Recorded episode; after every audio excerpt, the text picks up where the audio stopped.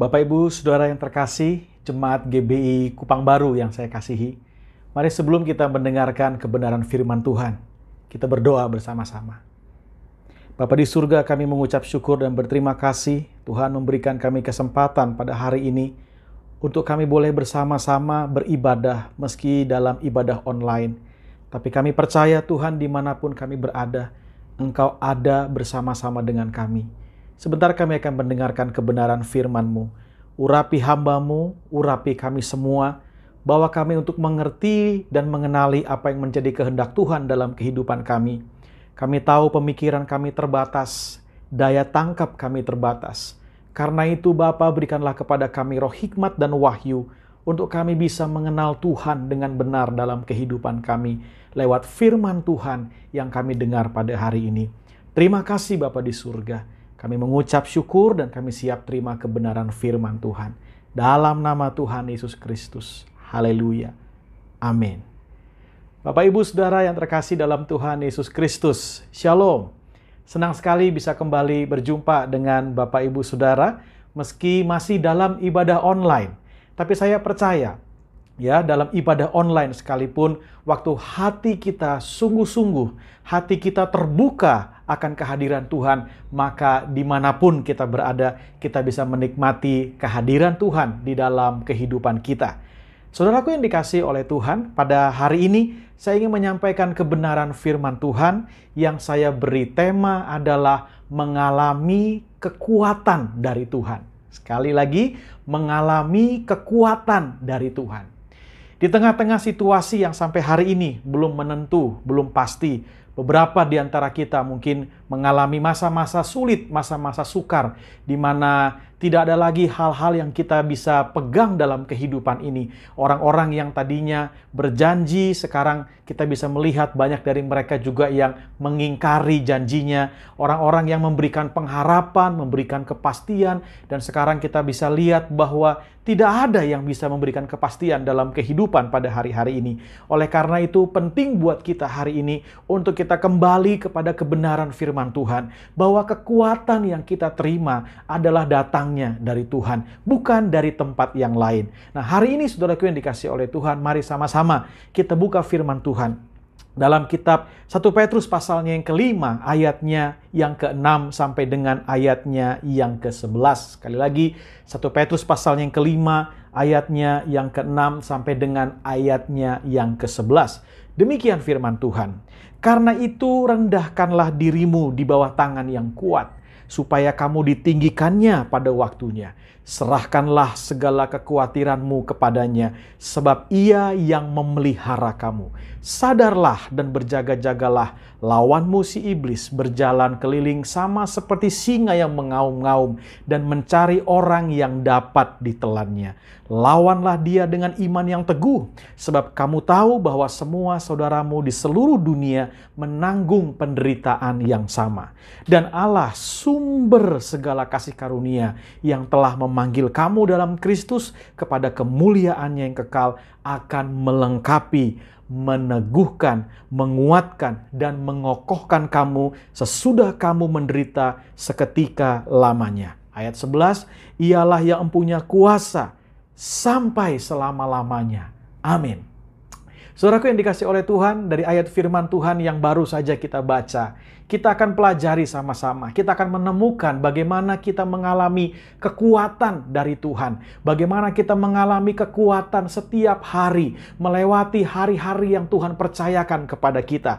Saya bersyukur dan berterima kasih kepada Tuhan. Tahun 2020 kita bisa lewati, walaupun berbagai macam jenis pergumulan, air mata, keringat kita lewati tahun 2020. Di awal tahun 2020 mungkin kita berkata, mampu nggak kita lewati lewatin tahun ini. Apalagi ketika diumumkan masa pandemi, kita mulai banyak yang khawatir, banyak yang gentar, banyak yang takut. Kira-kira mampu nggak kita melewati tahun 2020? Dan hari ini oleh anugerah Tuhan, hari ini oleh karena kasih karunia Tuhan, saya percaya kita ada di tahun 2021 bukan karena kuat dan gagah kita, tapi semua karena kemurahan dan anugerah Tuhan yang Tuhan berikan buat hidup kita. Saudaraku, tanpa terasa kita sekarang sudah ada di bulan Februari dari tahun 2021. Saya percaya satu hal, kalau Tuhan memberikan kita kekuatan melewati masa-masa sulit di tahun 2020, saya yakin dan percaya Tuhan akan memberikan kepada kita juga kekuatan untuk melewati musim masa-masa yang akan kita lalui di tahun 2021. Dan hari ini kita akan sama-sama belajar bagaimana mengalami kekuatan yang dari Tuhan. Kita bisa lihat yang pertama dalam ayatnya yang keenam dari satu Petrus pasalnya yang kelima, ini hal yang pertama, satu Petrus pasal yang kelima ayat yang keenam, firman Tuhan berkata demikian, karena itu rendahkanlah dirimu di bawah tangan Tuhan yang kuat, supaya kamu ditinggikannya pada waktunya. Nah, saudaraku yang dikasih oleh Tuhan, inilah hal yang pertama.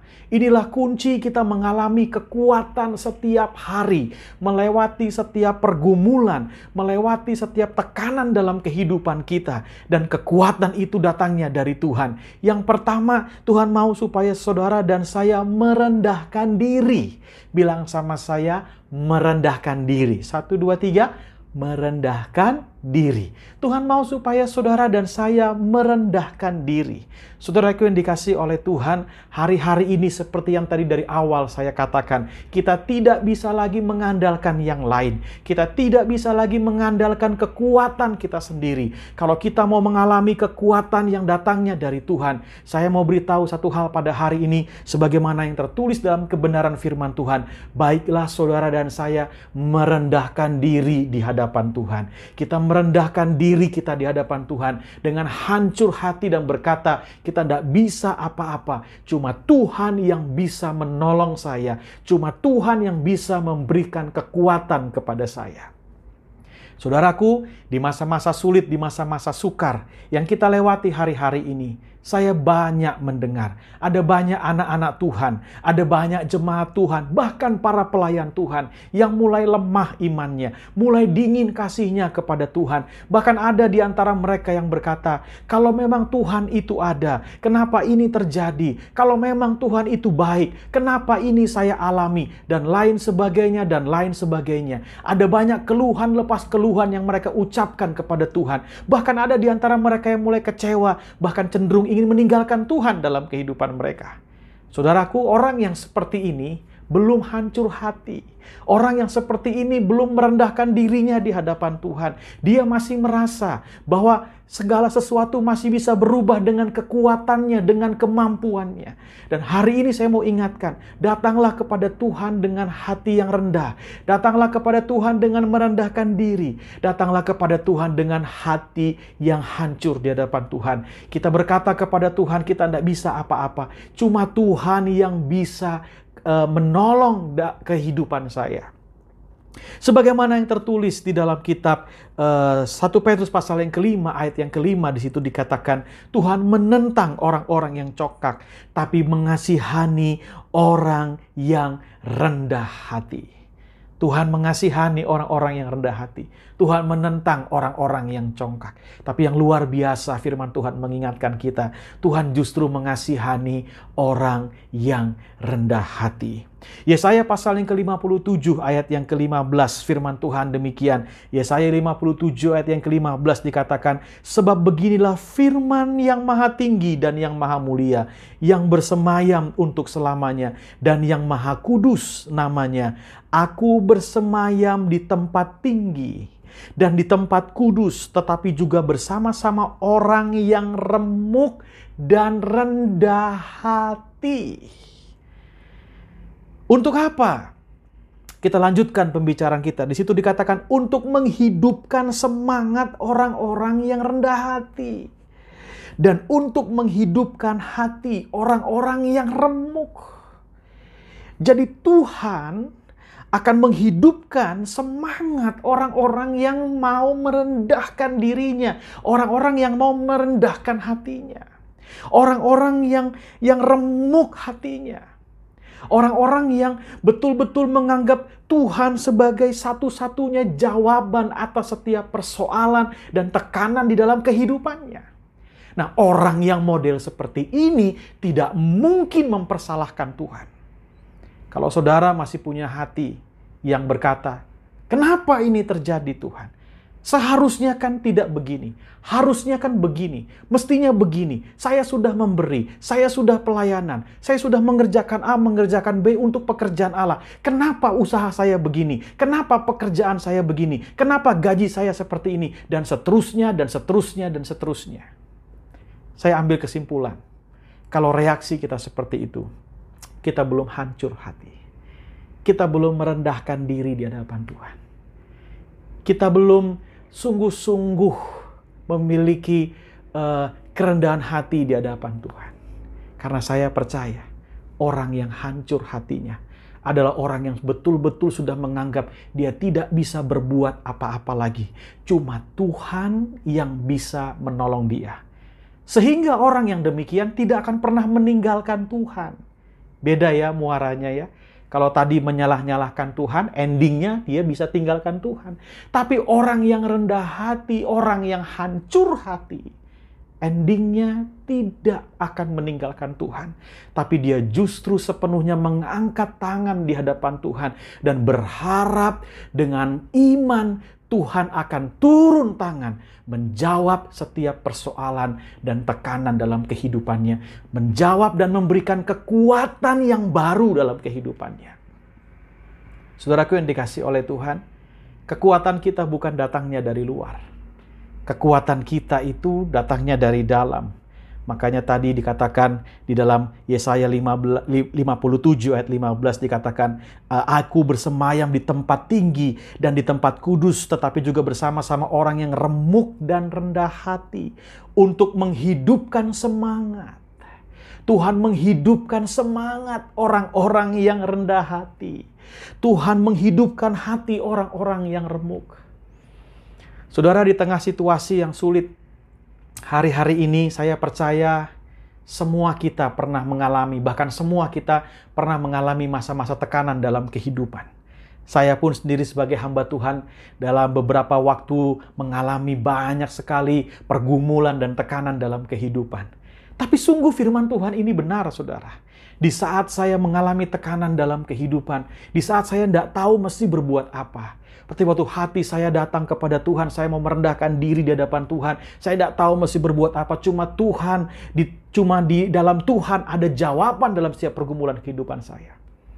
Tahu apa yang terjadi? Ada semangat yang baru yang Tuhan berikan dalam kehidupan. Ada semangat yang baru, ada dorongan yang kuat yang Tuhan berikan dalam kehidupan saya sehingga saya bisa melihat semua yang terjadi dari perspektif atau dari sudut pandang yang berbeda. Dan yang tadinya saya malas berbuat apa pun, malas mengerjakan sesuatu, tapi karena ada semangat yang Tuhan berikan, saya jadi semangat lagi untuk mengerjakan banyak hal, semangat lagi untuk melakukan banyak hal, bahkan semangat lagi untuk mempelajari banyak hal. Saudaraku yang dikasih oleh Tuhan, kekuatan yang kita miliki hari-hari ini hanya datangnya dari Tuhan.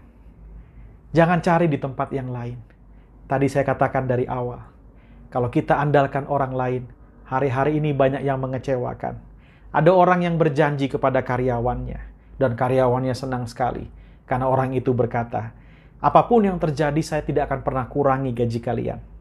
Tapi tahukah saudara, karena hari-hari ini masa-masa sulit, masa-masa sukar, Mau tidak mau ternyata usahanya semakin hari semakin merosot.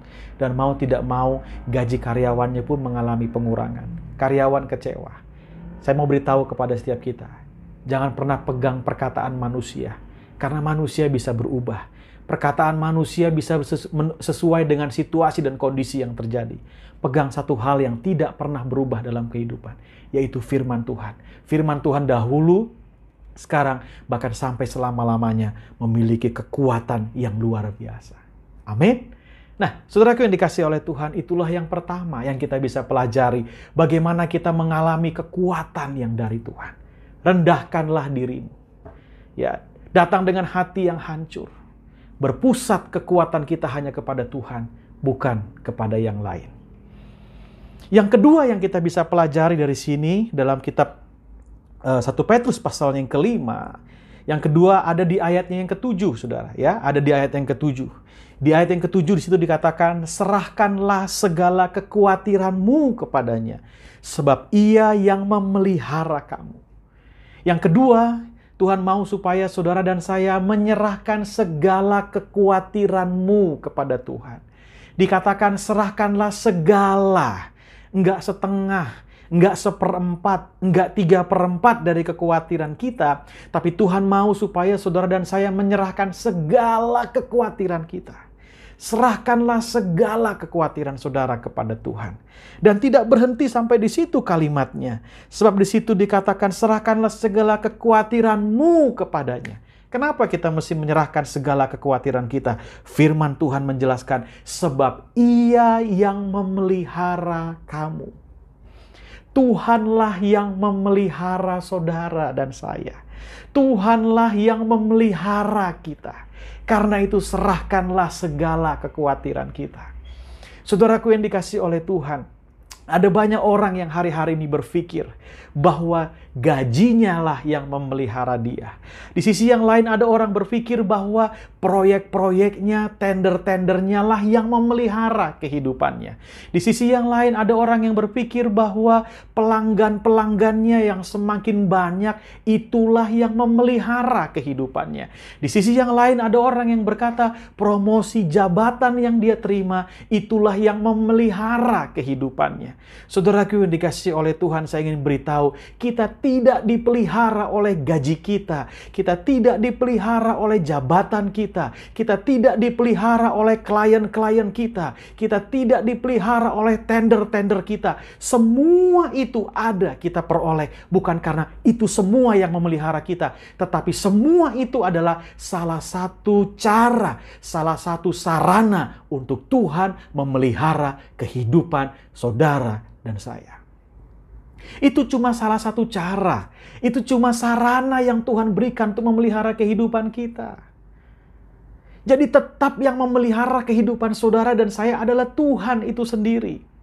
Kalau kita berpikir bahwa lewat gaji kita bahwa, uh, Tuhan akan mem, Tuhan uh, bahwa bahwa gaji kita yang memelihara kita, maka ketika kita kehilangan gaji, kehilangan tender, bahkan mungkin kita merosot secara omset dan lain sebagainya, kita justru malah menyerang balik Tuhan dan berkata, "Tuhan, kenapa ini terjadi? Kenapa begini? Kenapa begitu? Harusnya kan bla bla bla bla." Dan cenderung kita akan meninggalkan Tuhan dalam kehidupan. Kita cenderung kecewa kepada Tuhan. Tapi kalau hari ini saudara dan saya mengerti dan memahami bahwa yang namanya gaji, bahwa yang namanya uh, bisnis, bahwa yang namanya uh, klien dan lain sebagainya itu cuma sarana yang Tuhan berikan. Itu salah satu sarana yang Tuhan berikan untuk memelihara kehidupan Bapak, Ibu, Saudara dan saya. Kenapa saya katakan salah satu cara? Dengar baik-baik. Karena Tuhan punya banyak cara untuk memelihara saudara dan saya. Tuhan punya banyak cara untuk memelihara saudara dan saya. Saudaraku yang dikasih oleh Tuhan, di masa-masa seperti ini, saya sering kali uh, ngobrol dengan beberapa rekan saya lewat video call dan lain sebagainya. Saya berbincang-bincang dengan mereka. Tahukah saudara, Kesimpulannya sederhana sekali. Bahkan ada di antara mereka yang berkata, aduh seharusnya kalau saya hitung-hitung nih sampai hari ini, aduh nggak mungkin deh saya bisa bayar gaji karyawan dengan baik. Kalau saya hitung-hitung nih sampai hari ini, aduh nggak mungkin deh saya bisa bayar tagihan dengan baik. Tapi kalau sampai hari ini masih bisa bayar tagihan dengan baik, saya juga nggak tahu itu datangnya dari mana, tapi kok terbayar aja. Wow dari situ saya melihat Tuhan punya banyak cara untuk memelihara kehidupan anak-anaknya. Bahkan saya kadang melihat, iya ya, banyak yang kita hitung-hitungan secara nalar kayaknya nggak mungkin tapi kok terlewati. Saya percaya mungkin di antara kita juga mengalami hal yang sama.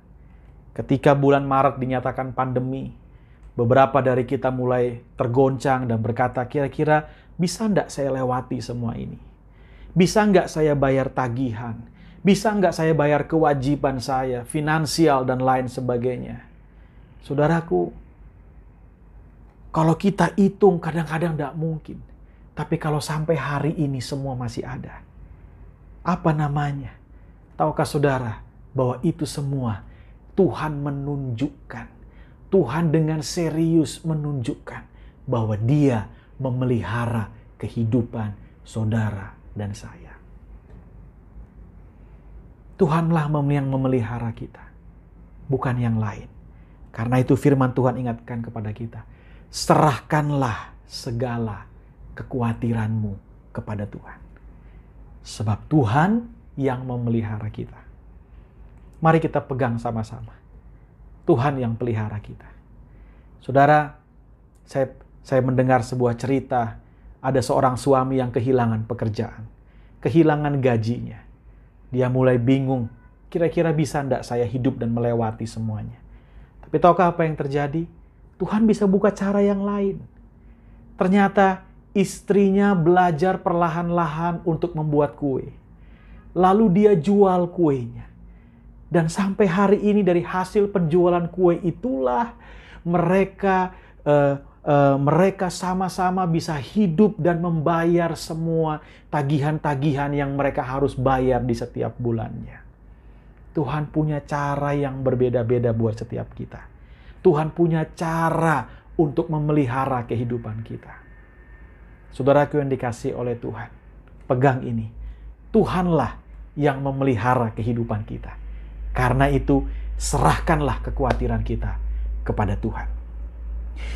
Dalam Matius pasal yang ke-6 ayat 25 dikatakan, "Karena itu aku berkata kepadamu, janganlah khawatir akan hidupmu, akan apa yang hendak kamu makan atau minum, dan janganlah khawatir pula akan tubuhmu, akan apa yang hendak kamu pakai. Bukankah hidup itu lebih penting daripada makanan, dan tubuh itu lebih penting daripada pakaian?" Pandanglah burung-burung di langit yang tidak menabur dan yang tidak menuai dan yang tidak mengumpulkan bekal dalam lumbung, namun diberi makan oleh Bapamu yang di sorga. Bukankah kamu jauh melebihi burung-burung itu? Siapakah di antara kamu yang karena kekhawatirannya dapat menambahkan sehasta saja pada jalan hidupnya? Saudara, orang yang khawatir saya percaya hidupnya akan di situ-situ aja, tidak bergerak, tidak move, diam di tempat. Ya, pikirannya boleh jauh ke depan, berjalan ke depan pikirannya. Nanti kalau ini bagaimana, kalau begini bagaimana, bagaimana. Tapi dianya di situ-situ aja. Kuatir itu seperti apa sih? Gambarannya sederhana kan. Kalau kita kuatir itu kita memikirkan. Bahkan begini, kita merenungkan apa yang kita takutkan. Itu yang kita putar di pemikiran kita, itu yang kita renungkan, kita putar terus dari yang tadinya kecil, saudara. Lama-lama dia menjadi besar, menjadi besar, menjadi besar, menjadi besar, menjadi besar, sampai akhirnya kekhawatiran dan ketakutan itu menguasai kehidupan kita. Sampai kita betul-betul tidak bisa bergerak lagi karena kita pikir, aduh ini wah luar biasa. Tapi tahukah saudara, saya pernah membaca sebuah survei ada yang mengatakan bahwa hampir 80 sampai dengan 90 persen ternyata begini. Dari apa yang kita khawatirkan sebenarnya nggak pernah terjadi. Wow, bayangkan kalau kita hidup dalam kekhawatiran. Energi kita habis terkuras kepada sesuatu yang belum tentu terjadi. Bahkan sesuatu yang tidak pernah terjadi dalam kehidupan kita. Jadi bagaimana caranya kita mengalahkan kekhawatiran dalam kehidupan? Firman Tuhan uh, ingatkan kita kalau tadi definisi daripada kekhawatiran yang yang saya dapatkan adalah kita merenungkan masalah kita, ketakutan kita dalam pemikiran kita. Cara menaklukkan kekhawatiran sederhana, ganti apa yang kita renungkan di pemikiran kita. Jangan lagi persoalan, rasa takut, dan lain sebagainya, tapi ganti biar firman Tuhan yang kita renungkan. Firman Tuhan, janji Tuhan yang kita renungkan dalam pemikiran kita. Dan saya percaya waktu firman Tuhan terus kita renungkan, janji Tuhan terus kita renungkan dalam kehidupan kita, lama-lama akan terus bertambah, bertambah kuat kita, bertambah kuat kita, dan lama-lama kita akan melihat Tuhan Tuhan kita adalah Tuhan yang besar, bahkan jauh lebih besar dari segala persoalan yang kita hadapi dalam kehidupan kita. Di situlah kekuatan yang baru muncul dalam kehidupan kita.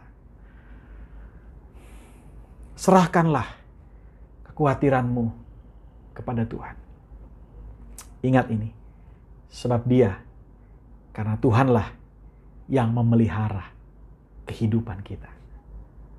Amin. Yang ketiga, saudaraku yang dikasih oleh Tuhan. Yang ketiga, kita diingatkan dalam kitab 1 Petrus pasal yang kelima tadi, ada di ayatnya yang ke-8. Firman Tuhan berkata demikian, Sadarlah dan berjaga-jagalah lawanmu si iblis. Ia berjalan sekeliling sama seperti singa yang mengaum-ngaum dan mencari orang yang dapat ditelannya. Lawanlah dia dengan iman yang teguh. Sebab kamu tahu bahwa semua saudaramu di seluruh dunia menanggung penderitaan yang sama. Yang ketiga, Tuhan mau ingin saudara dan saya sadarlah dan berjaga-jagalah. Lawan kita adalah si iblis. Lawan kita si iblis berjalan keliling sama seperti singa yang mengaum-ngaum dan mencari orang yang dapat ditelannya. Saudara, percayalah bahwa iblis itu senang sekali saudara mengalami kejatuhan. Iblis senang kalau saudara mengalami yang namanya kesesatan. Ya kita tersesat ya kita kita hilang arah kita nggak lagi jalan dalam jalan kebenaran. Nah itu dia senang banget tuh.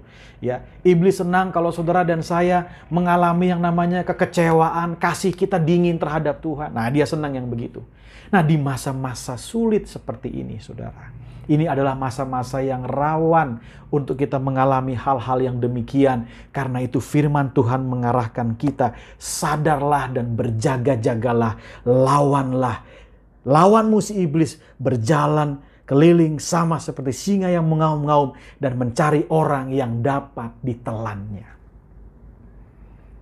Sadar musuh kita iblis mengharapkan, menantikan kejatuhan kita, menantikan tersesatnya kita, menantikan kita eh, lari dari Tuhan, menjauh dari Tuhan. Dan kita lihat hari-hari ini, ada banyak hal yang terjadi. Ya, ada banyak hal yang terjadi di luar sana. Banyak informasi-informasi di luar sana. Bahkan anak-anak Tuhan banyak juga yang berdebat tentang pendapat A, pendapat B, kebenaran A, kebenaran B, dan lain sebagainya. Hari ini saya cuma mau ingatkan, lawanlah dia dengan iman yang teguh. Lawanlah dia dengan iman yang teguh. Bagaimana iman muncul dalam diri kita? Firman Tuhan berkata iman muncul dari pendengaran akan firman Kristus. Karena itu tidak ada yang lain. Lawanlah iblis dengan iman yang teguh. Caranya sederhana. Terus saudara, hari-hari ini masukkan firman Tuhan dalam kehidupan saudara.